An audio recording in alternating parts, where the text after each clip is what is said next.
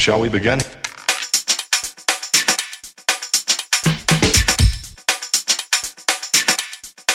Let's begin. Jeden podcast, jedna misja, jedyne takie miejsce, w którym możesz posłuchać rozmów z podcasterami o ich podcastach i pasjach, o ich pierwszych krokach w podcastingu, sprzęcie i finansach. Przed Wami gospodarz audycji Krystian Zych i jego dzisiejszy gość. Dzisiaj moim gościem jest Agnieszka Gaczkowska, która, która prowadzi bardzo nietypowy podcast. Podcast na temat, o którym nigdy w życiu bym nie przypuszczał, że można nagrywać audycje. Naprawdę. Nie przypuszczałbym, że o rękodziele, o rękodzielnictwie i tym podobnych rzeczach da się w ogóle coś nagrać. Dzień dobry, Agnieszko. Cześć, cześć. Bardzo się cieszę, że od tego zaczęliśmy, bo rzeczywiście to było największe wyzwanie, kiedy zaczynam. E, Agnieszka Gaczkowska, właścicielka marki Oplotki, czyli plotki przy oplataniu, przy rękodziele. Długa historia całej marki, ale oszczędzę słuchaczom moich wywodów i storytellingu. W każdym razie pomysł na podcast zrodził się w takim momencie, kiedy doszłam do ściany, jeżeli chodzi o promowanie tego, co robimy. A zajmujemy się właśnie warsztatami rękodzieła. One są takie dosyć specyficzne, bo to trochę nie tak jak w domach kultury, że tam 15 osób, tłum i coś tam robimy, tylko bardziej kameralne. Stawiam raczej na to, żeby to było maks 5 osób żeby stworzyć taki kobiecy krąg, gdzie można po prostu porozmawiać. Oczywiście panowie też zdarzają się na naszych warsztatach, ale otwarcie mówię, że jednak skierowana oferta jest mocno na panie, bo sama kiedy zaczynałam tą markę, to jakby to zrodziło się z potrzeby rozmowy z innymi kobietami na temat trudów macierzyństwa. Teraz już nasza paleta tematów się poszerzyła. I także poszerzył się zakres warsztatów, bo w naszym zespole mamy już teraz wiele innych rękodzielniczek oprócz mnie. Każda z nich zajmuje się swoją dziedziną. Tam mamy makramę, druty, szydełka i tak dalej. I każda z nich prowadzi warsztaty w swoim zakresie, ale oprócz tego mamy też produkty cyfrowe, typu kursy rękodzieła online. No i udzielamy też konsultacji przez internet. Kto by No to o tym pomyślał. za chwilę, za chwilę o tym porozmawiamy też. Ale podcast okazało się, że to jest em, takie narzędzie, które pozwala nam się komunikować z naszą społecznością troszkę głębiej niż tylko te obrazy. Rękodzieło to często jest właśnie fajny obraz, ładne rzeczy, fa- fajne robótki, zdjęcia z warsztatów, takie zdjęcia pokazujące jakąś tam atmosferę ciepła i rozmowy. No właśnie, zdjęcia, obrazy. I dlatego, I dlatego właśnie nigdy bym nie pomyślał, że na taki temat można nagrywać Dokładnie. audycję, która no jednak obrazu nie prezentuje żadnego. Dokładnie. I okazało się, że właśnie zrodziła się taka duża potrzeba opowiedzenia, czym te nasze warsztaty różnią się od innych warsztatów. No nie, nie ma co kryć, że teraz nastała wszechogarniająca moda na slow life, rękodzieło, mindfulness i tego typu wszelkiej maści. Tak. Po prostu produkty, które zawsze z nami były, tylko teraz po prostu nagle wraca na nie moda, bo Ale teraz na to mają nową czasu. nazwę, tak, mają nową nazwę i, i są Więc modne. tak. No i nasze warsztaty, no nie ma co kryć. Takich warsztatów rękodzieła jest cała masa na rynku. No i chciałyśmy w jakiś sposób opowiedzieć tą historię, dlaczego te nasze warsztaty w jakiś sposób są inne. I właściwie stąd zrodził się pomysł na podcast. W tym podcaście, takie było pierwsze założenie, będziemy opowiadać o warsztatach, dlaczego warto poświęcić troszeczkę więcej pieniążków, no bo niewątpliwie one kosztują więcej, no bo też prowadzący jakby ten czas rozkłada na mniej uczestników. Ale dlaczego? Że właśnie chcemy się skupić na jakości, nie ilości, na dostarczaniu gdzieś tam usługi na najwyższym poziomie. Jak o tym powiedzieć na zdjęciu? Jak o tym opowiedzieć w poście instagramowym czy facebookowym? Jak to promować w ogóle? No niemożliwe. A podcast okazało się, że dał taką możliwość.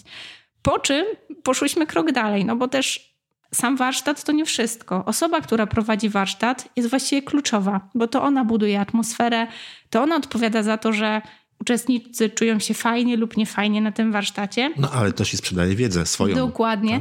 I często ten powód, dla którego wybieramy konkretny warsztat, to jest właśnie ta osoba. No i nie znalazłyśmy lepszego narzędzia jak podcast, żeby po prostu przedstawiać uczestniczki naszego zespołu.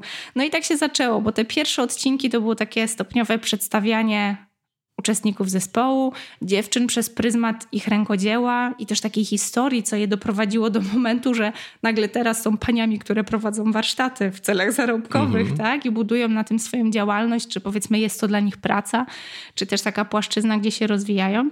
No ale przeplatałyśmy to odcinkami takich wpadek i najróżniejszych fakapów. Okazało się, że ta nasza społeczność jest bardzo otwarta na ten backstage, jak to się teraz ładnie mówi, na to, co się dzieje za kulisami. Bo mhm. wiesz, no znowu na tych fotkach na Instagramie Widzimy tylko te piękne produkty, wystudiowane zdjęcia i takie uładnione wersje rzeczywistości. No, taki świat pokazuje Instagram, tak? tak Instagram tak. pokazuje jedną setną sekundy Dokładnie. z całego wielo, wielogodzinnego procesu. Dokładnie. No ale taka jest konwencja, więc jakby wchodzimy w ten układ. To jest taki trochę deal, który musimy zaakceptować, ale podcast dał nam tą możliwość opowiadania głębiej, mówienia o tym, że to, że teraz funkcjonuje sklep oplotki, w którym można kupić produkty rękodzielnicze, no to są godziny, setki godzin praktycznie prób i błędów, stawiania sklepów, które nie wyszły, promowania, które się nie udało, mhm. niesprzedanych produktów, czyli po prostu tyłów finansowych. I tak wygląda każda historia. Scenariusze naszych warsztatów też nie zrodziły się od A do Z i nie były od razu doskonałe. Testowałyśmy je na ludziach, trzeba tak powiedzieć szczerze. Ale rzeczywiście to, ile jakby brałyśmy pieniążki, czy tam za udział w naszych warsztatach, to oczywiście były mniejsze kwoty, bo też było mniejsze poczucie, że znamy wartość tego, co dostarczamy. Rozwijałyśmy się w trakcie, jakby budowałyśmy samolot w trakcie lotu, o tak trzeba to powiedzieć.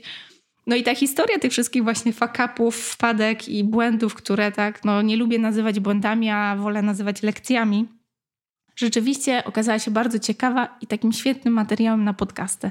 No i trochę tak zostało. Ten podcast cały czas ewoluuje, zresztą w tych naszych dyskusjach czasami na temat podcastów, w jakim kierunku one idą i tak dalej. To mam wrażenie, że to takie poszukiwanie i to, że ten podcast się zmienia i trochę dostosowuje się do potrzeb słuchaczy, gdzieś tam jest odpowiedzią na jakieś maile, na takie zaczepki, czy gdzieś tam nawet rozmowy, bo przecież podczas ostatniej konferencji była okazja, żeby porozmawiać z naszymi słuchaczami to jest właśnie urok tej platformy. Ona ciągle jest taka nieskażona e, tą komercyjną stroną naszej działalności.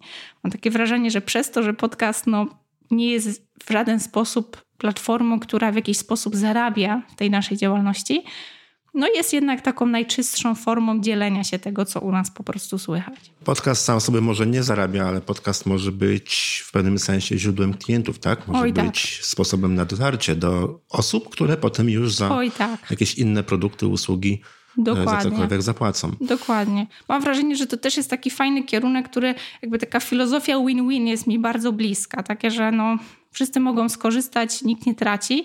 I mam wrażenie, że podcast daje nam taką możliwość, no bo w pewnym sensie no, to jest medium bezpłatne dla odbiorcy. Mhm. Wystarczy włączyć apkę na telefonie, czy odpalić sobie to gdzieś na komputerze. A dla nas to jest rzeczywiście bardzo duża praca.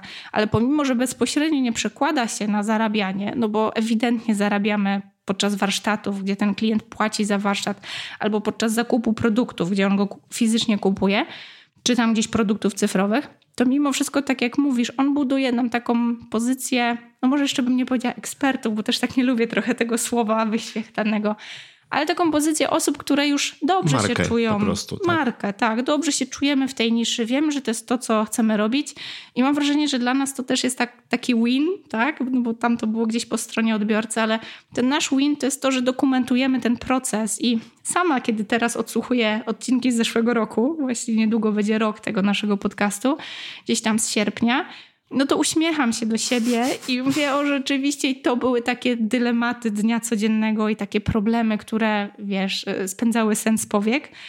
A teraz patrzymy na to z uśmiechem i to już jest dawno za nami, to już są rzeczy przepracowane i gdzieś tam zamieniły się w procedury, a nie projekty. Wróćmy może do, no w pewnym sensie do początku, do tak. tego, co tak naprawdę robicie. Czym się zajmujecie? Pamiętam ze swojego dzieciństwa cepelię. Mm, o, tak. Rozmawialiśmy kiedyś, kiedyś była okazja, rozmawialiśmy o cepeliach. Pamiętam cepelię. Pamiętam, że na wystawie tej cepeli zawsze były takie fajansowe figurki. Tak, tak, tak. Podobno ręcznie malowane. Nie wiem, nigdy nie miałem okazji sprawdzić. I jakieś stroje ludowe, jakieś rzeczy, nie wiem, z patyczków, czy tam ze szmatek tak, i tym podobne. Tak, tak. I tak naprawdę no, to, jest, to jest jedyna rzecz, która mi się zawsze z tego typu miejscami kojarzyła. Pamiętam jeszcze, że moja mama robiła na drutach swetry, szaliki czapki, takie rzeczy. Mhm. No i właśnie, i tu się kończy moja wiedza na temat Tak. w ogóle tego, co robicie. Rzeczywiście, często tak śmiejemy się, że mamy ambicje, żeby stać się Cepelią 2.0, ale kiedy zaczęłyśmy głębiej wchodzić w temat, to okazuje się, że Cepelia miała też swoją taką ciemną stronę, bo z jednej strony turyści kupowali polskie rękodzieło, które trochę takie było mocno folkowe.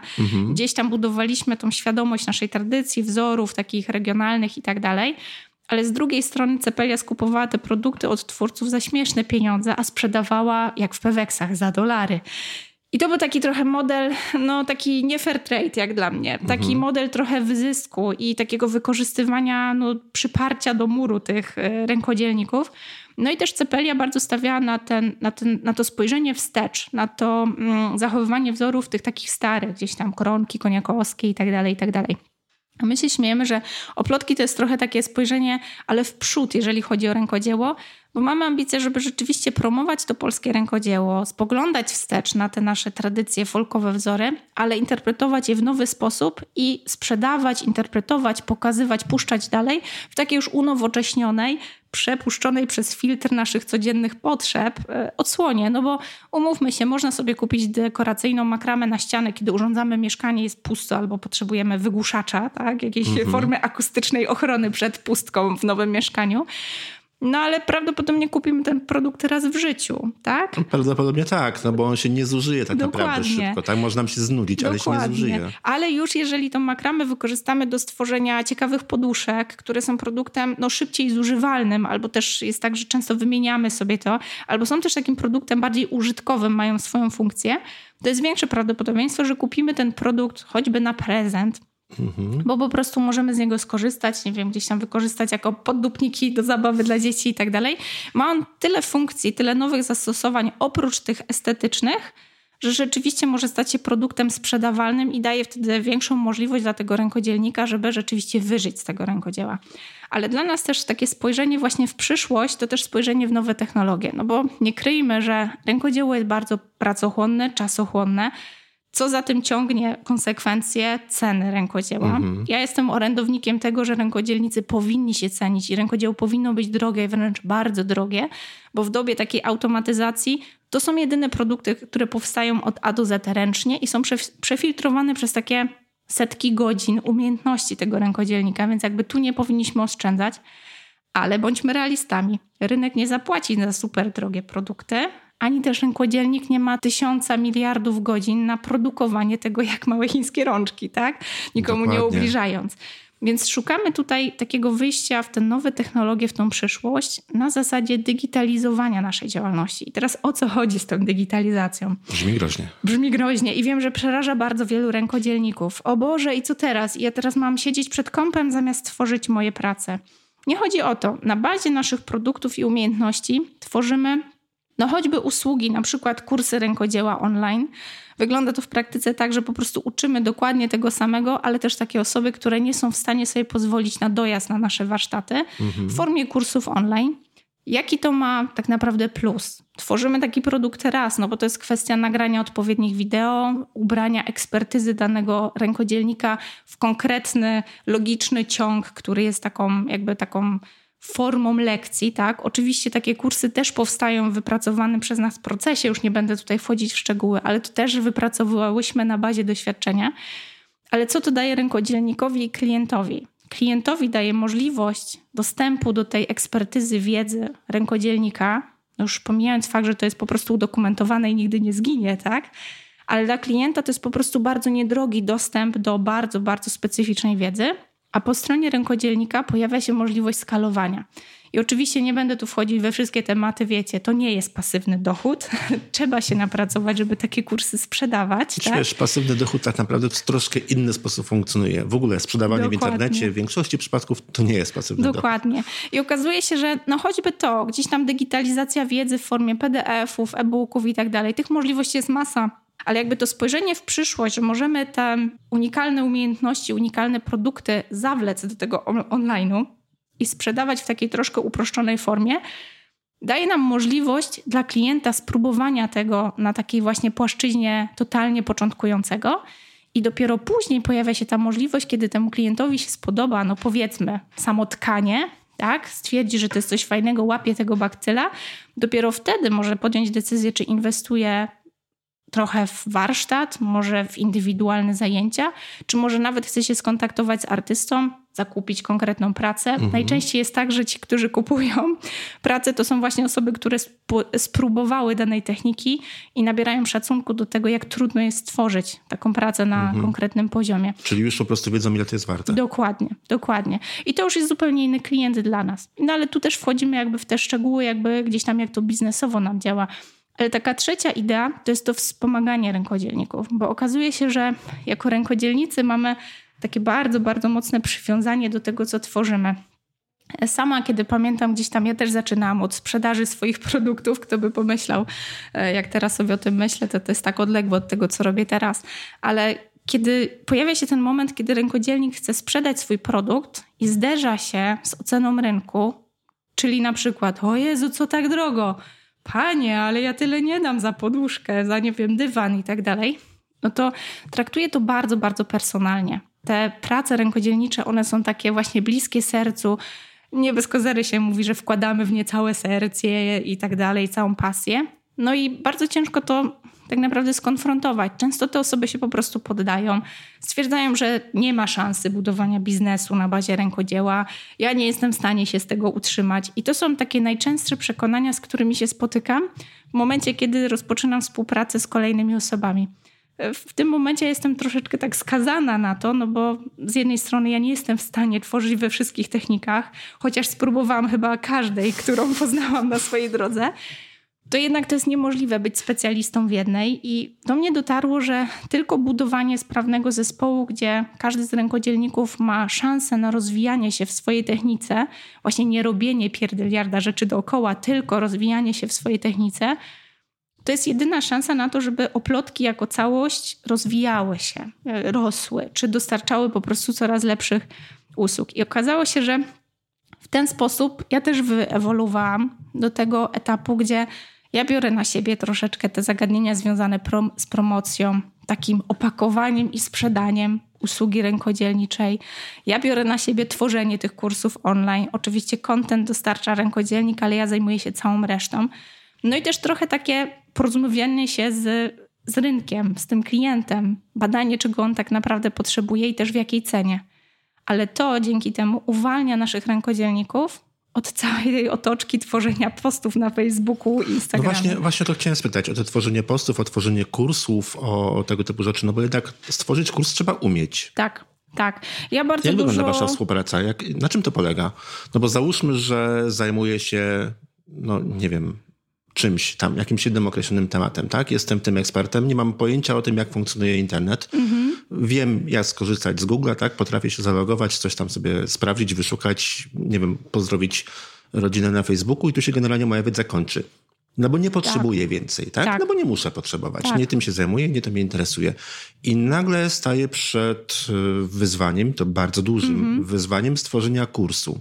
Nie mam bladego pojęcia, jak zacząć. Jak to zrobić. Jak w takiej Dokładnie. sytuacji wygląda wasza współpraca? E, I to też zostało wypracowane na bazie takich prób i błędów i doświadczeń. Też niektórych bardzo gorzkich z mojej strony. W pewnym momencie okazało się, że skoro ja zainwestowałam w swój rozwój bardzo dużo, bo zainwestowałam w taki program e, mojej mentorki biznesowej Sigrun, to jest taki online MBA Somba, Jestem w nim już trzeci rok, bo po pierwszym roku zobaczyłam takie efekty, no i cały czas mam wrażenie, że się rozwijam. Ale kiedy jakby zaczęłam pracować w tym programie, ja tam dostałam właśnie całe to know-how. Jak krok po kroku zrobić kurs szydełkowania online, bo od takiego produktu właśnie zaczynałam. Jak zbadać rynek, jak go stworzyć na podstawie mhm. tych potrzeb rynku, jak go sprzedać i to sprzedać zanim jest jeszcze gotowy, więc cała ta metoda lunchu i tak dalej. I ja to zrobiłam, widziałam, jaki to jest ogrom pracy. I mnie to zafascynowało. Jakby ja połknęłam bakcyla tego biznesu online, totalnie. Ale okazało się, że nie da się rozwijać w kierunku, nie wiem, coraz lepszej techniki szydełkowania i jednocześnie w kierunku biznesowym. I ja połknęłam bakcyla tego biznesu. Wtedy dostrzegłam, że ja tak naprawdę potrzebuję tych osób, które będą merytorycznie rozwijały się w dziedzinie czy to szydełkowania, czy innych dziedzin rękodzieła, tak jak już później dostrzegłam, że jakby inne osoby w zespole są potrzebne. A ja poszłam bardzo mocno w tym kierunku biznesowym. No i teoretycznie każdy z rękodzielników może kupić ten program dokładnie tak jak ja. Swoją drogą ja jestem afiliantką tego programu, więc tak jakby też zachęcam do jego zakupu. Mam oczywiście z tego profity, tak? Sama aplikowałam o taką współpracę, więc obiema rękami podpisuję się pod metodą, bo ona po prostu jest testowana na mnie Mhm. osobiście i Okej, podziękujemy. zachęcam. Ale rzeczywiście program jest drogi, on kosztuje kilka tysięcy dolarów i często to jest ta bariera nie do przeskoczenia dla rękodzielników, którzy, no umówmy się, że na Mhm. No początku... wiesz, kilka tysięcy dolarów to dla wielu osób, nie Tak. tylko rękodzienników, Tak. jest kwotą po prostu zaporową. tak? Dokładnie, dokładnie. Dlatego ja też postanowiłam pójść w drugą stronę i na bazie tej wiedzy, którą ja otrzymuję w sobie, oczywiście to jest program ogólnobiznesowy, więc nie tylko dla rękodzielników. Ja wyławiam z niego to, co jakby w tej metodzie naszej jest potrzebne, przefiltrowuję tą wiedzę przez swoją wiedzę, doświadczenie z zakresu tego powiedzmy biznesu rękodzieła na tym naszym polskim grajdołku, tak? bo jednak nasz rynek też jest bardzo specyficzny i ubieram go w programy rozwojowe dedykowane właśnie dla rękodzielników, którzy chcieliby pójść podobną drogą. Jest to między innymi taki program Handmade Business czy Pasja, tak, który daje tym rękodzielnikom taki pierwszy krok. Mogą się przekonać, z czym to się je, jak wygląda takie zawlekanie e, tego rękodzieła do, do online'u, ile trzeba czasu i pieniędzy zainwestować, żeby to w ogóle ruszyło. No bo nie, nie oszukujmy się, żaden biznes nie wystartuje, wiesz, z powietrza. No nie. Każdy biznes będzie Tak. wymagał ogromnej ilości Tak. czasu poświęconego, chociażby nie mówiąc tak. o pieniądzach. I takie też odpowiedzenie sobie na pytanie, czego ja potrzebuję, czy ja chcę 300 zł do pensji dorobić, czy ja potrzebuję 5 koła, bo chcę żyć z rękodzieła i to ma być moja regularna praca. No to jest taka odpowiedź, którą potrzebujemy na wstępie, żeby w ogóle móc zacząć planować taki biznes. Bo to jest taki program, taki, żeby się przekonać. A później jest program trzymiesięczny, on już jest taki bardziej intensywny, to jest Akademia Rękodzielnika, gdzie ja biorę rękodzielnika za rękę i krok po kroku wdrażamy już to, co on chce osiągnąć. Jeżeli ktoś postanawia, ok, ja się czuję w pracy z ludźmi, ja lubię kontakt osobisty, ja chcę prowadzić warsztaty, mój cel finansowy to nie wiem, 3000, 5000 miesięcznie, no to w Akademii już wdrażamy w to, ży- to w życie. Po prostu uczymy się narzędzi, jak to robić, jak to promować, jakie platformy są dla mnie, bo walczę z tym przekonaniem, że trzeba być wszędzie, trzeba być tam, gdzie twój klient cię usłyszy i tak dalej. No ale jeżeli ktoś wybiera tą drogę, że nie, ja wolę w swojej pracowni tworzyć, ale chciałabym mieć dochód, no to wtedy idziemy w kierunku digitalizowania wiedzy lub po prostu sprzedaży produktów fizycznych albo sprzedaży akcesoriów do produktów, bo to też są drogi.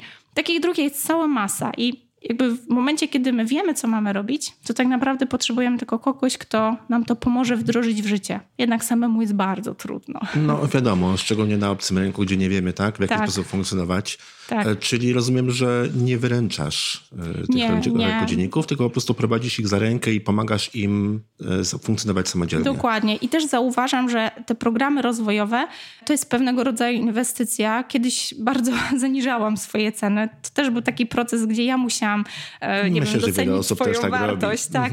Nie miałam problemu na przykład z wycenianiem swoich usług jako architekt, bo to też jest mój zawód wyuczony, praktykowany od lat. Zero problemu, tak, żeby skasować za wizytę.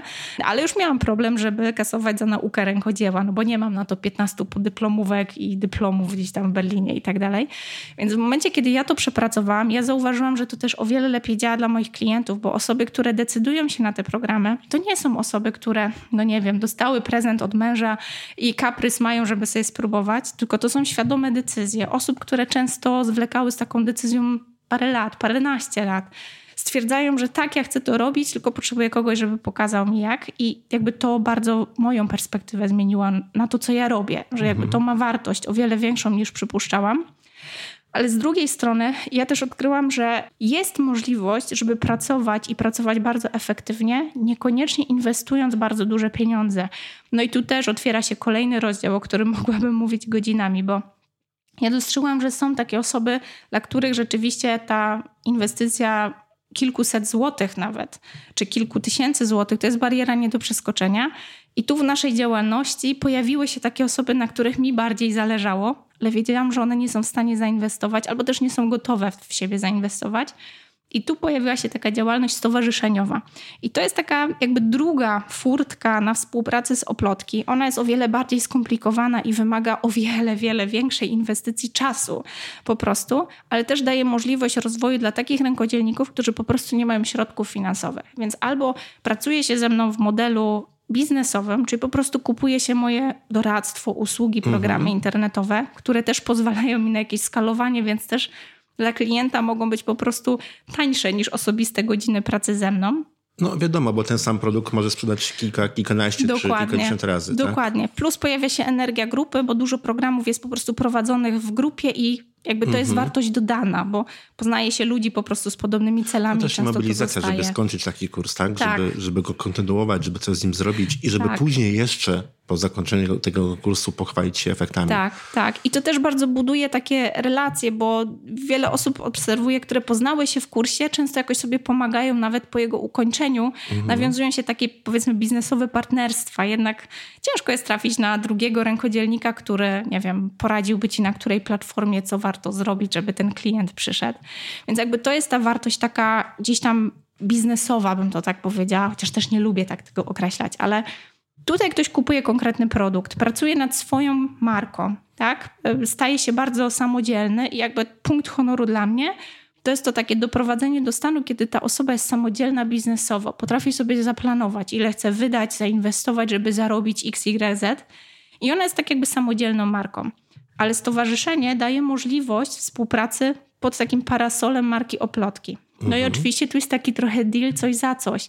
No bo niewiele osób jest gotowych dawać swój czas, co jest najcenniejszą wartością, którą mamy, po to, żeby pracować, no nie powiedziałabym też tak do końca na swoją markę, ale tak jakby pracować pod skrzydłami kogoś i wykonywać tą pracę nawet nie dla kogoś, ale jakby w imię czyjejś idei.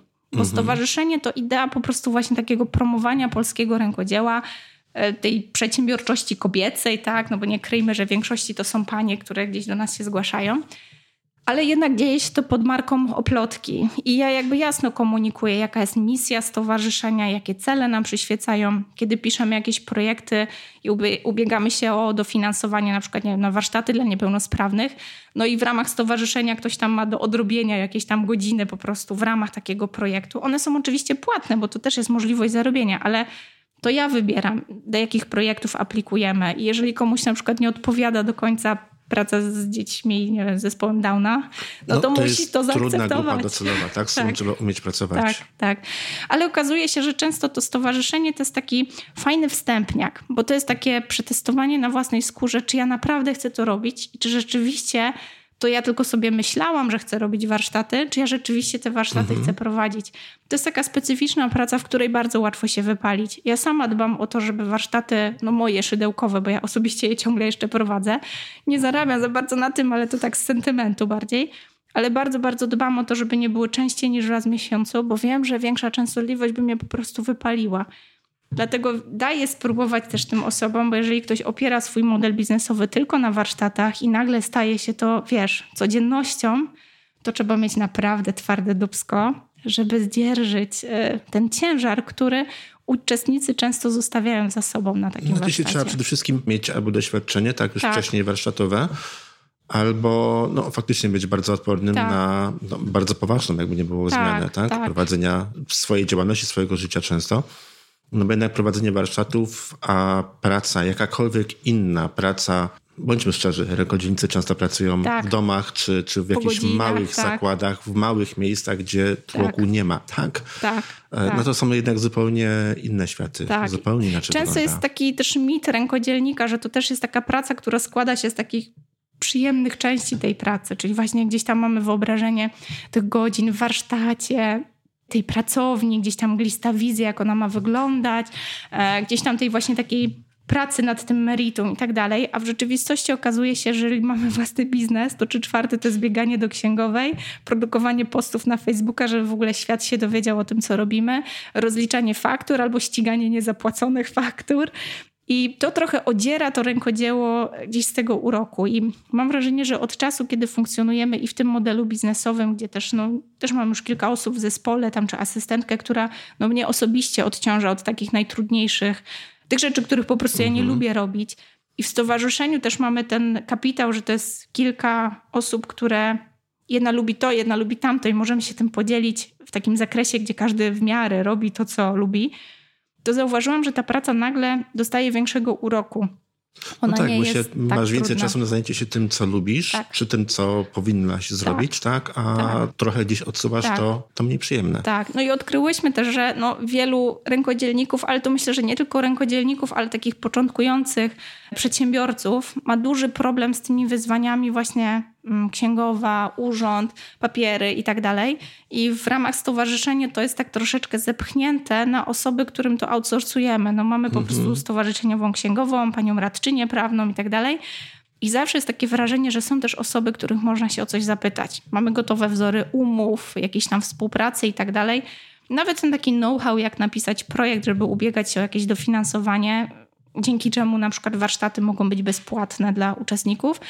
To jest bardzo taka komfortowa droga, żeby spróbować w ogóle, czy ja się nadaję do prowadzenia warsztatów. No bo jednak, kiedy uczestnik przychodzi za darmo, no to nie ma takich oczekiwań, jak kiedy płaci 150, 200, 250 zł za Oj, to warsztat. też zależy. To zależy, bo ja się spotkałem często z Trochę osobami, tak. które przychodzą na bezpłatne szkolenia. Ja mam dużo Tak. wyższe wymagania No. niż osoby, które przychodzą na drogie szkolenia. Fakt, ale to też jest taki cały temat do rozmowy, bo rzeczywiście Mhm. na bezpłatnych warsztatach częściej pojawiają nam się klienci mocno roszczeniowi, którym Tak. się wszystko należy, bo Tak. jest z urzędu.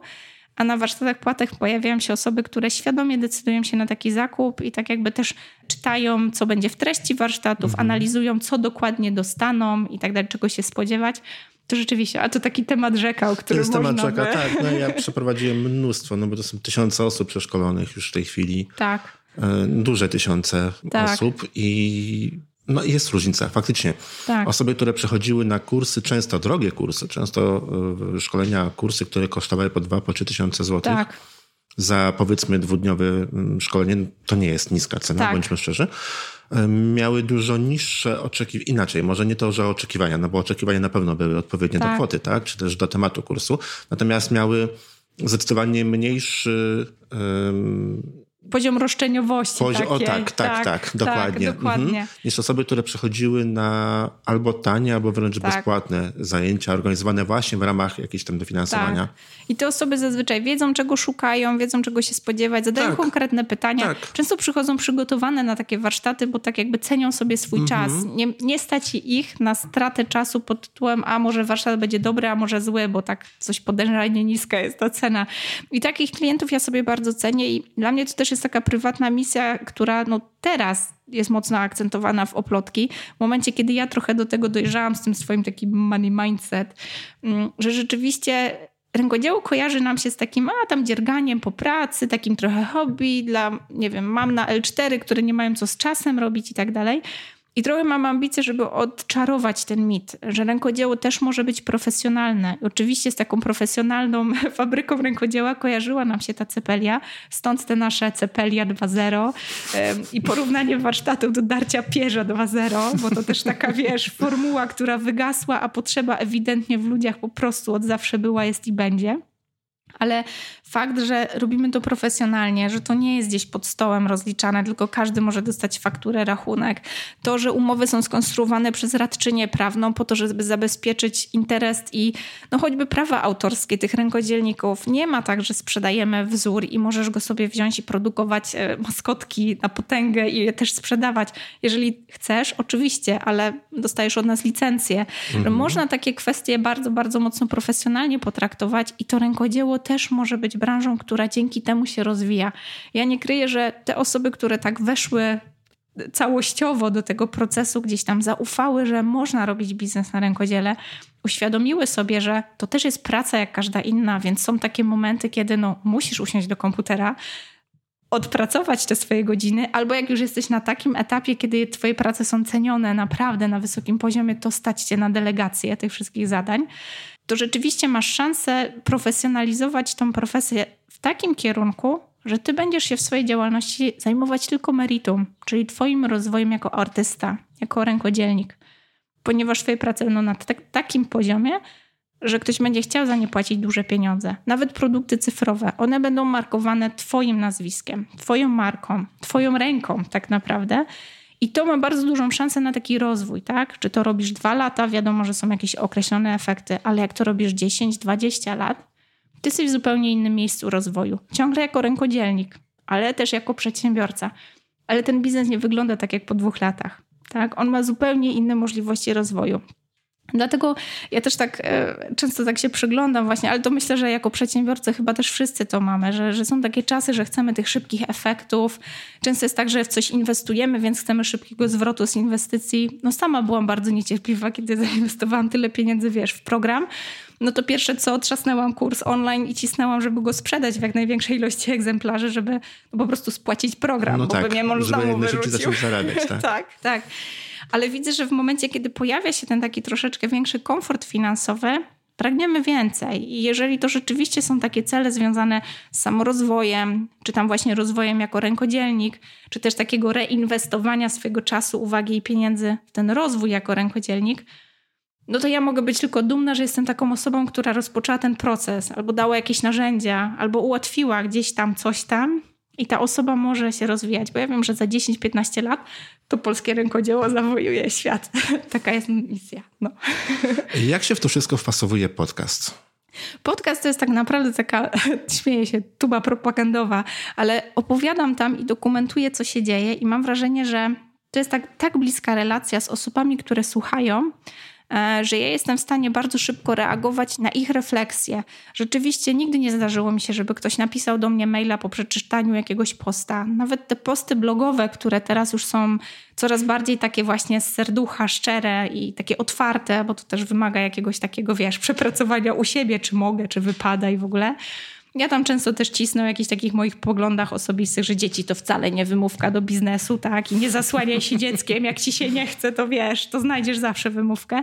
Sama w drodze mam trzecie, więc też nie uważam, że dzieci to jakakolwiek prze- przeszkoda. Ale wiesz, nie zdarzyło mi się, żeby ktokolwiek napisał do mnie takiego mm, szczerego maila z jakąś taką refleksją i taką, hmm, wiesz co, tu masz rację, ale tu się z tobą nie zgadzam. A wiesz co, brakuje mi tego, a tamtego. A jednak podcast wywołuje to. I A, to jest widzisz, a główne często główny wiele powód. osób mówi, że właśnie na artykuły różnego rodzaju, na wpisy na blogu, czy też na mediach społecznościowych są odpowiedzi, są komentarze, Mhm. są jakieś reakcje. A bardzo często słyszę, że właśnie podcast ma problem. Jest, wiesz co, jakby ilościowo rzeczywiście, bo że nie, jest- nie, jest, jest taka pewna bariera, Tak. y, a to wynika, przypuszczam, ze sposobu, jak słuchamy podcastów, Tak. że jest taka bariera, że nie odpisujemy, tak? Tak. Nie, nie komentujemy, y, nie wysyłamy wiadomości, nie dajemy znać, tak? Tak. Y, autorowi audycji, że, że my gdzieś tam jesteśmy, że my tego słuchamy, Mhm, że my się z nim zgadzamy bądź nie. Ale rzeczywiście, bo mam wrażenie, że jakby no, też mamy jakieś tam komentarze pod postami, czy nie wiem, lajki, tak, tam te, ile tam jest zasięg i tak dalej. Oczywiście, że patrzymy na to, bo to jest mega ważne. No, Ale myślę, że, wrażenie, każdy, że- nawet ci, co mówią, że nie patrzą, to i tak, Tak, patrzą. wszyscy patrzymy, znajmy się do tego. A kto nie mówi, że nie patrzy, to po prostu kłamie. Ale rzeczywiście jest tak, że ta relacja jest taka bardzo płytka, że to jest tak, okej, podoba mi się i no nie wiem, może podoba mi się tekst, ale zazwyczaj to jest komentarz jednym zdaniem. Mhm. No rzadko się zdarza, no czasem się zdarza, ale bardzo, bardzo rzadko, że to jest, nie wiem, jakiś przemyślany komentarz pod postem.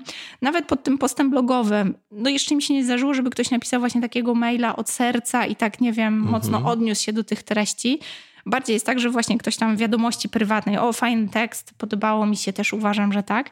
A jednak podcast mam wrażenie, że wywołuje takie głębsze relacje. One też nie są super częste, ale jak już się zdarza mail po nawołaniu gdzieś tam do wypowiedzenia się w jakimś temacie, to rzeczywiście to są tak wartościowe, y, no teraz brzydko bym powiedziała, badania rynku, ale dają tak dużą refleksję na temat tego, co robimy, jak to komunikujemy, jakie są nasze wartości, czy to w biznesie, czy w stowarzyszeniu, że rzeczywiście to daje taką super motywację, że, że warto tą drogą się komunikować. I Czyli to jest wypowiedź, a nie Tak. hasło typu fajnie i łapka w górę, tak? I mam wrażenie, że to jest właśnie nie call to action, nie? Takie, wiesz, że wymuszamy tą opowieść, tylko tak, że ktoś ma taką autentyczną potrzebę podzielenia się z czymś. Najczęściej to jest w ogóle, co mnie zaskakuje, wiesz, w naszym kraju, gdzie mówimy, że wszyscy narzekamy na wszystko. Sama jestem takim trochę narzekaczem, ale to najczęściej są wypowiedzi w tonie dziękuję. I to jest dla mnie największa wartość, bo to często jest o dziękuję, że zaprosiłaś Kasię, dowiedziałam się, że o kurczę, mogę się uczyć duńskiego w zupełnie inny sposób i mogę się w rok nauczyć tego języka, tak, żeby się z ludźmi dogadać. Jakby są w takim tonie, że nawet podziękowanie za przedstawienie takiej osoby, bo ona nie przypuszcza, że w ten sposób można coś robić. No to E, są miłe wiadomości. tak, tak. I to mi pokazuje, że pomimo, że teraz w podcaście często są goście, którzy są naprawdę luźno związani z rękodziełem, często nawet tak troszkę na siłę szukam pretekstu, żeby zahaczyć o to rękodzieło. Pytam o wspomnienia z dzieciństwa, z ZPT i tak dalej. Jak to O te było u cepelię, nas, tak? tak? O tą cepelię i w ogóle. To okazuje się, że te rozmowy jednak są pożądane. One są jakby wartościowe i ja je bardziej wybieram przez ten pryzmat tego, o czym ja mam wrażenie, że się nie mówi mhm. ogólnie i można to odnieść do siebie jako człowieka, już nie tylko rękodzielnika, przedsiębiorcy, ale ogólnie jako człowieka. Bo dużo jest takich tematów, o których mam wrażenie, że no nie mówi się albo mówi powierzchownie, a podcast daje taką możliwość poruszenia ich trochę głębiej. No i rzeczywiście no, mam wrażenie, że to jest takie trochę szukanie po omacku, ale w dobrym kierunku, bo rzeczywiście jest ten taki pozytywny odzew. Czyli jak szukasz sobie gości do, do kolejnych Najczęściej odcinków? to są takie osoby, z którymi, no przyznam, że przez jakby charakter prowadzenia działalności i to, że to też jest w większości online, to bardzo dużo jest relacji takich nowych i dosyć szybkich. Często jestem gdzieś aktywna w takich grupach biznesowych, kobiecych grupach, e, no w kilkunastu mastermindach uczestniczę. W samym programie Somba to jest też takie społeczeństwo bardzo e, aktywnych kobiet, przedsiębiorczyń z najróżniejszych branży. Mm, staram się po prostu bardzo mocno kierować taką intuicją. Wyczuwam często tak, że po prostu rozmowa się klei albo nie klei, wiesz, mhm. czujesz, że jest taka chemia mhm. i e, często jest tak, że to te rozmowy gdzieś tam prowadzą do tego, że rozmawiamy na taki temat, który nie wiem, w jakiś sposób mnie poruszy, sprawia, że jakoś moja głowa się otwiera, rodzi się jakaś refleksja, przez to następuje jakaś zmiana. I jakby to jest dla mnie pierwszy wyznacznik, że to jest fajny gość, którego warto zaprosić. Często jest tak, że to są jakieś rozmowy, które się zadziały, może coś się u mnie zmieniło w związku z tą rozmową. Po jakimś czasie dojrzewam do tego, że warto by było tą osobę zaprosić i podzielić się tym dalej. Ale często to też jest takie działanie troszeczkę na czuja. No przyznam, że tak jak na przykład ciebie zapraszałam do podcastu, to ja po prostu widziałam, co robisz posłuchałam iluś tam odcinków i dla mnie to była tak duża wartość, którą warto by było pokazać naszym słuchaczom, że to był taki główny wyznacznik, dlaczego no, pan, który wiesz, mamy same baby praktycznie y, i osoba, która zajmuje się technikaliami, gdzie mhm. u nas wiesz, no to jest ta pięta achillesowa, powinna się znaleźć w podcaście. No właśnie dlatego, że większość pań, które może gdzieś by chciały sobie zacząć podcastować, rozbija się o to, jaki mikrofon, i dopiero tak, jak... i co zrobić? Tak. Okej, okay, no wziąłem telefon, czy wzięłam telefon, nagrałam pierwszy tak. odcinek i co dalej, tak? tak? Wczoraj dostałem takiego maila. Dokładnie. Mm, czyli rozumiem, że w pierwszej kolejności znajdujesz osoby, a potem starasz się do nich dopasować temat. Tak. A tak. zdarza ci się na odwrót, że najpierw masz temat, który bardzo chcesz mhm. poruszyć i szukasz do niego rozmówcy? Fakt, mam całą listę takich tematów i to jest największy problem. To przyznam się, że to jest Znaleźć najtrudniejsze. Rozmówcę, tak? Znaleźć rozmówcę, który chciałby porozmawiać na ten temat i chciałby się podzielić wiedzą, bo mhm. dużą jakby bolączką jest to, że speców naokoło mamy, samozwańczych czy rzeczywistych, już nie wnikam, ale mamy ich naokoło masę. Ale bardzo mało ludzi ma taką umiejętność dzielenia się tą wiedzą w taki sposób, żeby wiesz, to nie było odsyłanie do płatnych programów. Mhm. No bo mhm. oczywiście ja też tutaj mówię o Akademii Rękodzielnika, tak? Nie jestem w stanie zrobić na podcaście trzymiesięcznego programu, ale to też nie chodzi o to. Chodzi o to, żeby gość dawał wartość dla tej publiki. E, fakt, że no, jako podcasterzy, no wszyscy tak mamy, że chcemy, żeby słuchało nas jak najwięcej osób i jest taka pokusa, żeby mówić o czym się da, żeby tych ludzi było jak najwięcej. No ale zawsze staram się siebie po prostu tak hamować, krygować, że to musi być wypadkowa tych treści, które są dla obecnych klientów czy obecnych obecnej publiczności, bo tak trochę nazywam tych, te osoby, które słuchają.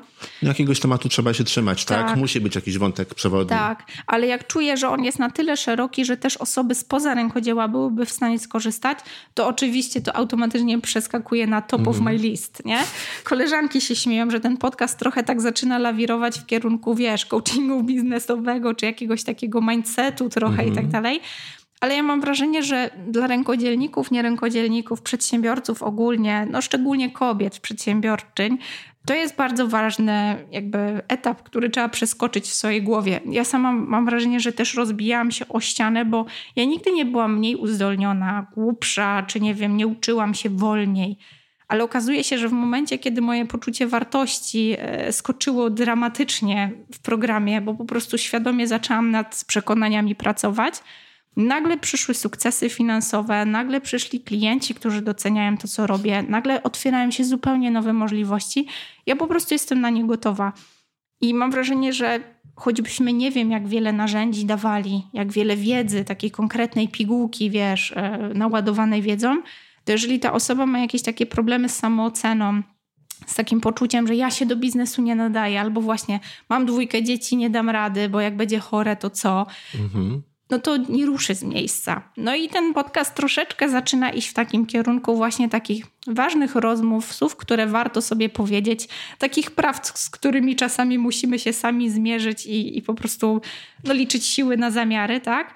Ale mam wrażenie, że tym chyba robię więcej dobrego niż e, też nadmiarem takiej technicznej wiedzy, bo oczywiście pojawiają się odcinki stricte związane z dziedzinami rękodzieła, no i te bym uznała za takie przeładowanie wiedzą, bo rzeczywiście jak, nie wiem, Karolina zaczyna opowiadać o tkaniu, wiesz, dwuosnowowym, czteroosnowowym, to ja pomimo, że próbowałam tkania, e, słucham z otwartą paszczą i po prostu pochłaniam tą wiedzę i ona jest taką wiedzą troszkę encyklopedyczną, ale też taką namiastką tego, że jest osoba, do której możesz z tym pójść. Ty nie musisz tego wiedzieć i znać, żeby mhm. zrobić swoją pierwszą, nie wiem, swój pierwszy gobelin, tak?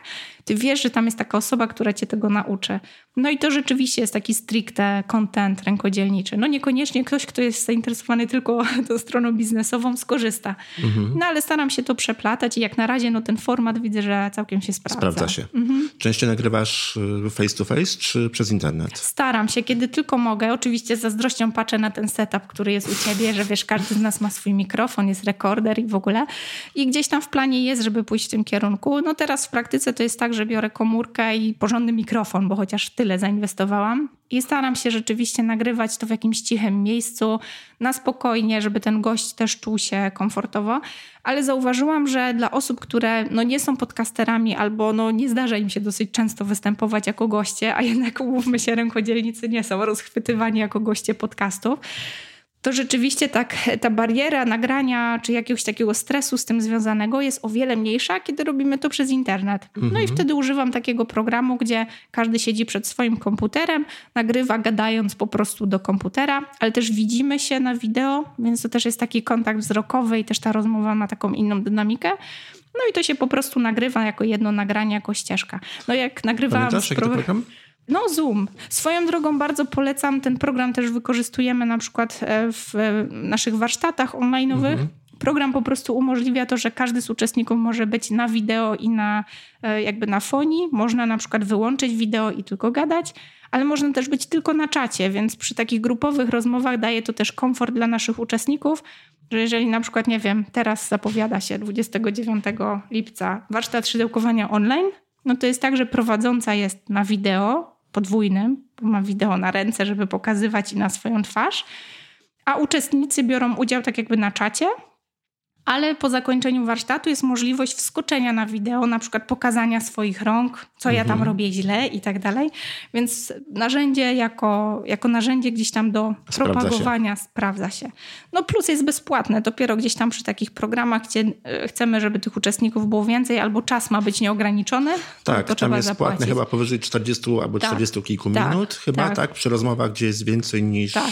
jeden gość. Tak, więc to... można sobie spokojnie prze, przetestować na e, mhm bezpłatnej tej formie i wtedy zadecydować, czy warto inwestować. Tam jest też nakładka do webinarów. Ja ją też wykorzystuję, wtedy jest fajnie, bo jak prowadzę webinar, to mogę go jednocześnie na przykład streamować do grupy. To już bardziej wykorzystuję przy tych takich szkoleniach biznesowych, jak mamy na przykład sesję Q&A i tam są pytania, odpowiedzi i też takie osoby mogą wskoczyć na wideo, ale wcale nie muszą. Mogą po prostu gdzieś tam oglądać tą transmisję, więc to też jest bardzo mhm. wygodne, nie? Wspomniałaś o mikrofonie. Pamiętasz, co to jest A, mikrofon? Wiem, że Rode, Mic, Go albo coś takiego. Taki podstawowy mikrofon mhm. gdzieś tam e, kierunkowy. Więc rzeczywiście przy nagraniu Jeden. w dwie osoby jest problem, bo on zbiera tak jakby z przodu mikrofonu, nie mhm. dookoła. Mm, ale rzeczywiście, jak go dobrze ustawimy, gdzieś tam w knajpie siedzimy obok siebie, po prostu i on jest przed nami, no to dajemy radę. No ale rzeczywiście, jeżeli to jest knajpka, gdzie ktoś tam stawia kawę i hałasuje, no to zbiera te no, wiesz, no to, to zawsze jest problem, tak? tak? Młodek do kawy, muzyka, hałasy tak, restauracyjne tak, czy tak. kawiarniane zawsze są problemem. Tak, tak. I widzę, że te nagrania przez internet rzeczywiście jakoś nie jest tak dobra, ale gdzieś tam, jeżeli nagrywamy z osobami, które no już mają jakiekolwiek doświadczenie albo po prostu mhm. gdzieś mają po prostu dobry mikrofon, no to ta ścieżka też może być lokalnie nagrana przez każdą z tych osób. Oszczędza to bardzo dużo czasu, daje taki też komfort psychiczny, że zawsze można zatrzymać i tak dalej.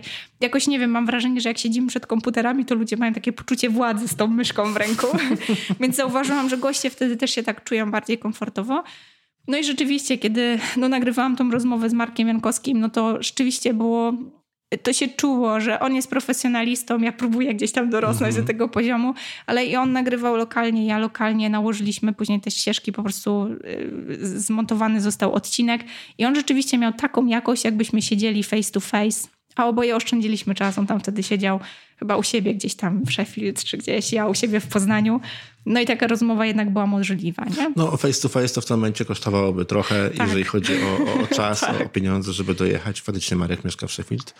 Nie zawsze się w ten sposób też da tak. E, spotkać. A jak wyglądał u ciebie proces później już po nagraniu, przed publikacją, czyli cała tak. edycja cała ta techniczna część. O, warto o tym wspomnieć, bo rzeczywiście był taki moment, kiedy zaczynałam, wtedy jeszcze no, po prostu nie było mnie stać na delegowanie tych zadań, a dwa, że ja jestem tym typem, że zanim komukolwiek cokolwiek zleci, to muszę to przejść sama i się po prostu nauczyć. A to Durne jest dobre rozwiązanie, tak, szczególnie jeżeli chodzi o edycję nagrań. Ja zawsze sugeruję, żeby nawet jeżeli jeżeli zlecasz tak. nagra edycję nagrań później, to zawsze sugeruję, żeby pierwsze nagrania, nawet kilka, nie tylko jedno, żeby edytować samemu. Tak. Nawet niezależnie od tego, czy Doceniasz one są dodatkowo to. jeszcze edytowane tak. przez kogoś innego, to warto, warto je edytować samemu, tak. żeby się nauczyć, żeby zobaczyć, na co zwrócić uwagę przy nagrywaniu tak. kolejnych. I rzeczywiście teraz próbuję walczyć z tym przekonaniem, tak, bo pojawiają się takie zagadnienia, których uczenie się po prostu mija się z celem typu zagadnienia prawne, tak, żeby wiesz, rekrutować radcę prawnego, to już jest dużo durnota. Mhm. Na szczęście już tego nie robię, wyrosłam.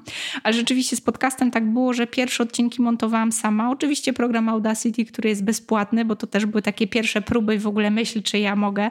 To była taka forma wyzwania dla samej siebie, czy w ogóle nagram pięć odcinków i przestanę, czy dam radę utrzymać to tempo raz w tygodniu. No rzeczywiście od zeszłego roku tydzień w tydzień pojawia się odcinek, więc przyznam, że to jest duże obciążenie, ale daje frajdę.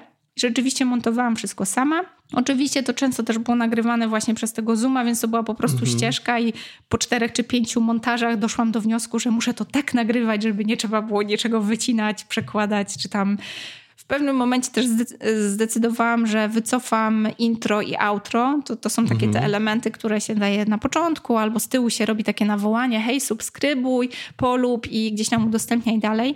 Zauważyłam, że to po prostu się nie sprawdza i miałam taki moment, kiedy wiesz, było pół roku, to takie wiesz, szumne podsumowanie, że tyle odcinków przesłuchałam po prostu wszystkie jednym ciurkiem i stwierdziłam, że to po prostu jest jakieś takie sztuczne, bo format mojego podcastu jest takim formatem bardzo luźnej rozmowy, takiej mhm. nieoficjalnej, trochę się nie czuję. I nie ma w ogóle w tej chwili, tak? tak ani intro, tak. ani outro. I teraz tego nie ma, chociaż planuję do tego wrócić, ale w jakiejś mądrzejszej formie, no bo rzeczywiście co tydzień to samo intro i mhm. outro.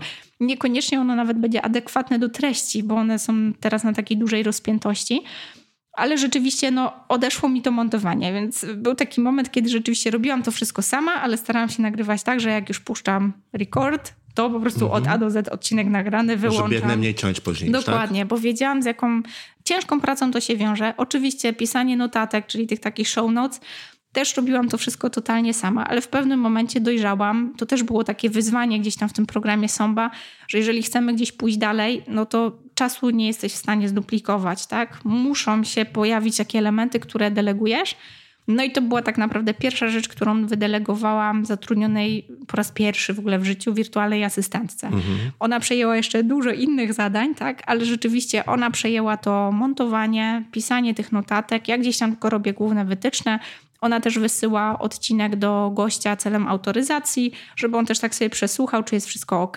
Daje mu do autoryzacji też te notki. Często wiadomo, jak zapraszamy kogoś znajomego, z którym mamy tak, taką bliższą relację, no to ja też z tego rezygnuję, tak? No po prostu się pytam, jest wszystko ok, ok, puszczamy. Wiesz, wiele osób po prostu mówi, że no ja wiem, co powiedziałem, tak? tak? Czy wiem, co tak, powiedziałam. Tak. I, I też te nagrania nie czas. są tak, autoryzowane później. Tak. I y, dopiero w takich momentach, kiedy rzeczywiście to jest gość jakiegoś formatu, czy gdzieś tam taka osoba, którą troszkę bardziej oficjalnie zapraszam, bo mhm. właśnie była z takiej listy tematów, które bym chciała poruszyć i tu znalazłam speca, to staram się to robić na takim właśnie znowu profesjonalnym poziomie, żeby pokazywać, mhm. że też ta nasza działalność jest na jakimś poziomie. I tu rzeczywiście mogę z czystym sercem polecić e, Karolinę Brzuchalską z Pretty Well Done. Rzeczywiście ona robi tą czarną robotę i tego nikt nie widzi, tak? Bo każdy słyszy mój głos, czyta sobie te notki, a tak naprawdę to ona to robi. I rzeczywiście doceniam, jak bardzo ona mnie w tym odciążyła. Ja wtedy mam więcej czasu na myślenie o temacie, nawet takim zastanowieniu się, czy po prostu takim nawiązaniu relacji z tym gościem i teraz już odeszłam od formatu pod tytułem spotykamy się na Zoomie, ciach, ciach, nagrywamy i pach, idzie.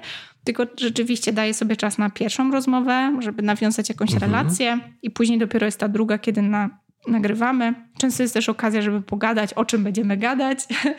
No to jest takie trochę takie uspokojenie. Bardziej niż ten content, to chodzi o to nawiązanie relacji. I bardzo, bardzo polecam. Oczywiście wiem, że jeżeli zdarzają się takie odcinki, kiedy no akurat ten odcinek z Markiem Jankowskim to montowałam sama, bo się po prostu był tak ważny dla mnie, że mąż mi tam siedział nad plecami i tam jeszcze pomagał, trzy razy go słuchał jak za karę czy jest wszystko dobrze, więc jakby to chciałam zrobić sama, bo mi zależało, tak? Mhm. No już taki gość to wypada.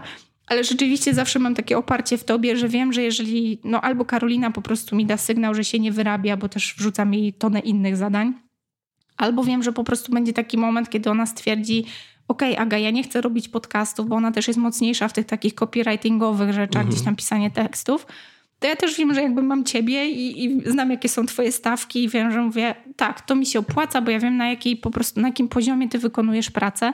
Swoją drogą cały czas myślę o tym, żeby ta jakość też skoczyła, bo wiem, jak ty montujesz Pracujemy trochę nad twoją jakością. Tak, tak dokładnie. Pracujemy nad tym. I z zazdrością patrzę właśnie, jak słucham waszych podcastów, to, to tak trochę z zazdrością podglądam, że tu pojawia się jakiś dźwięk, jakaś muzyka, jest jakieś wyciszenie w tle, wchodzi coś innego. Jest właśnie to intro, outro, które tak, wiesz, bezszwowo wchodzi gdzieś tam. To nie jest takie ucięte, jak u mnie było. Ale ciągle mam wrażenie, że ja jakby muszę wypracować coś swojego. Że jakby bardzo nie chcę, żeby w tym podcaście było kolejne, wiesz, schemat. Zresztą wiesz, jak to mhm. jest, że kolejni producenci powielają schematy, bo to jest po prostu łatwe. No i jest to intro, jest tam jakieś na, nawołanie, jest No tak, treść, ale wiesz, intro, intro, outro, momencie jak jest dobrze przygotowane, intro zajmuje kilkanaście sekund, tak? Ja w ogóle tak. jestem przeciwnikiem czołówek, które trwają minutę czy dwie. Tak, to nudzi. Rekordzista, tak. którego słuchałem, to ma chyba prawie pięciominutowe. O, To jest nie do słuchania, to w pewnym momencie... w tych czasach. W pewnym momencie ustawiałem w programie w ogóle wycinanie pierwszych tak, tam kilku tak. minut nagrania z automatu. Natomiast y, no, te kilkanaście sekund, moim zdaniem, to nie jest jakiś duży problem, tak. żeby, żeby stworzyć, bo nie jest to czas, kiedy się słuchacze zdążą znudzić, tak? tak. Czy, czy zmęczyć tak. słuchaniem tej czołówki. Więc te, te kilka, kilkanaście sekund to tak. wydaje mi się, że fajnie jakby było. To jest taki sygnał, który no, charakteryzuje. Jest takie, wiesz, wielkie marzenie audycję. na temat tego, że to już kiedyś po, e, pomysł się pojawił, cały czas jest na liście takich, wiesz, spraw, które są do zrobienia, ale wiecznie mhm. brak czasu, marzy mi się o tym, żeby też promować e, osoby, które zajmują się muzyką, niekoniecznie tak już stricte zawodowo, może tak z pogranicza, wiesz, muzycy, którzy gdzieś tam jeszcze nie są sławni, nie udzielają mm -hmm. koncertów w salach koncertowych, ale może się uczą. Może nawet uczniowie szkół muzycznych, którzy po prostu chcieliby udostępnić, nie wiem, swoje nagranie nie wiem, sonatę na pianinie, e, czy nie wiem, jakiś utwór skrzypkowy. Wiem, że ciężko by było gdzieś tam uderzać w kierunku odtwarzania jakichś gotowych, e, e, że tak powiem, no, numerów, jakby to powiedzieć. Więc jakby widzę tu też takie pole, no dla mnie troszeczkę Muzyka to też jest takie rękodzieło, bo to też jest coś, co tworzymy z duszą. No jest. Tak, i tworzymy ukryć. z własnymi rękami, tak, wkładamy serce i bardzo mocno mi chodzi właśnie taki motyw, żeby gdzieś tu w podcaście pojawiały się te elementy muzyczne osób, które, nie wiem, stworzyły jakiś swój fragment, nie wiem, jakąś swoją sonatinę i tak dalej, ale wiem, że po prostu no, nie mam ani mocy przerobowych, ani dostępu do takich osób, które tworzą albo gdzieś tam kręci je muzyka.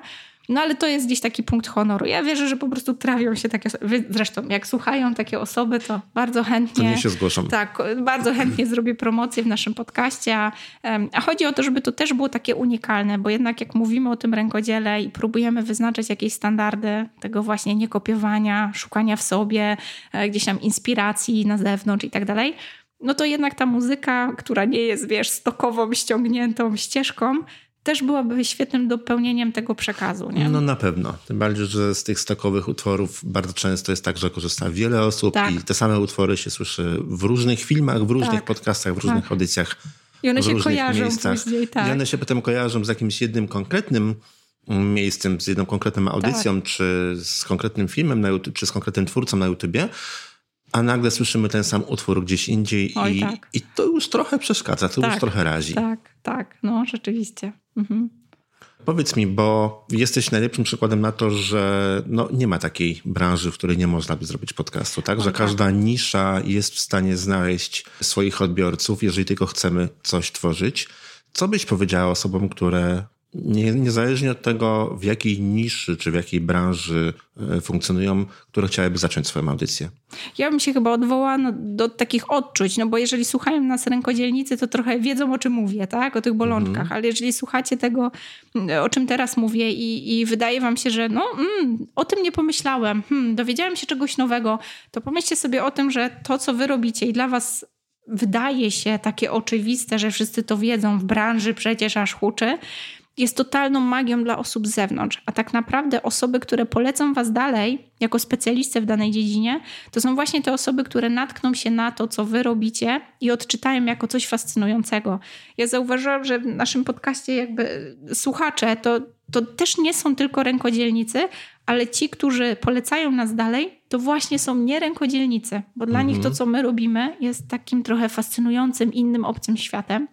I mam wrażenie, że choćby z tego powodu warto zaczynać podcast, który jest niszowy, który jest inny, który mówi o czymś, czego nie ma wszędzie. Wiadomo, że teraz pewno wszystko znajdziemy na YouTubie i tak dalej.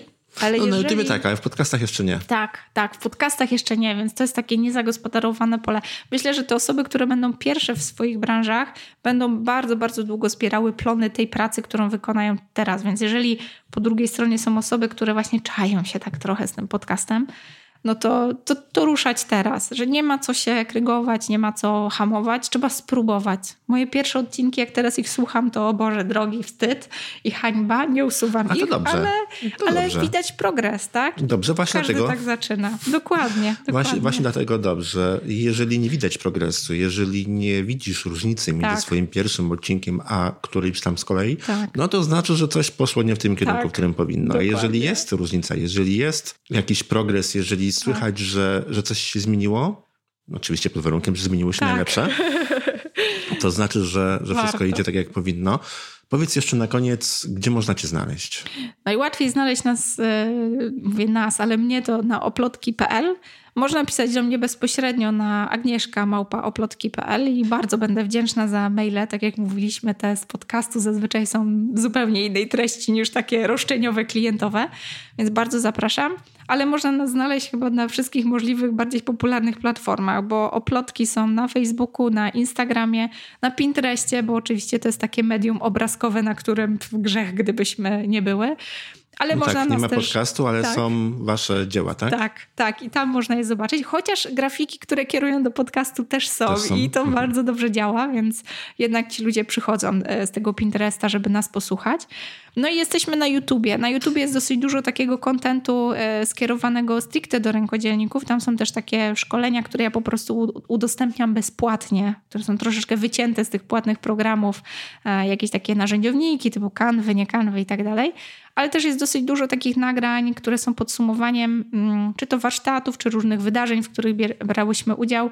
No, że tam na przykład Wielkopolski Kongres Kobiet, Pyrcaster, czyli nasza konferencja podcastowa. Takie wydarzenia z życia oplotki i z życia przedsiębiorcy, więc bardzo zachęcam. Może to nie jest bardzo popularny kanał, ale bardzo zachęcam. No i oczywiście podcast. Podcast oplotki. Wszystko, co robię, to praktycznie branduję tymi oplotkami. Pewno do obrzydzenia nasi fani już po prostu powtarzają tą nazwę, ale rzeczywiście pod taką nazwą można nas szukać i jeżeli wyskoczymy wam na platformie, to znaczy, że tam jesteśmy. Czyli oplotki.pl i wszędzie indziej pod nazwą oplotki. Dokładnie. Dziękuję ci bardzo za rozmowę. Dzięki, dzięki Krystian. Do usłyszenia. I Jak sami słyszeliście, nie ma tematu, na który nie można nagrywać podcastu. Ważne, żeby po prostu chcieć nagrywać. Jeżeli chcecie się skontaktować z Agnieszką, zapraszam serdecznie na stronę oplotki.pl i zapraszam Was oczywiście również do wysłuchania kolejnego odcinka rozmów o podcastach, który już za dwa tygodnie.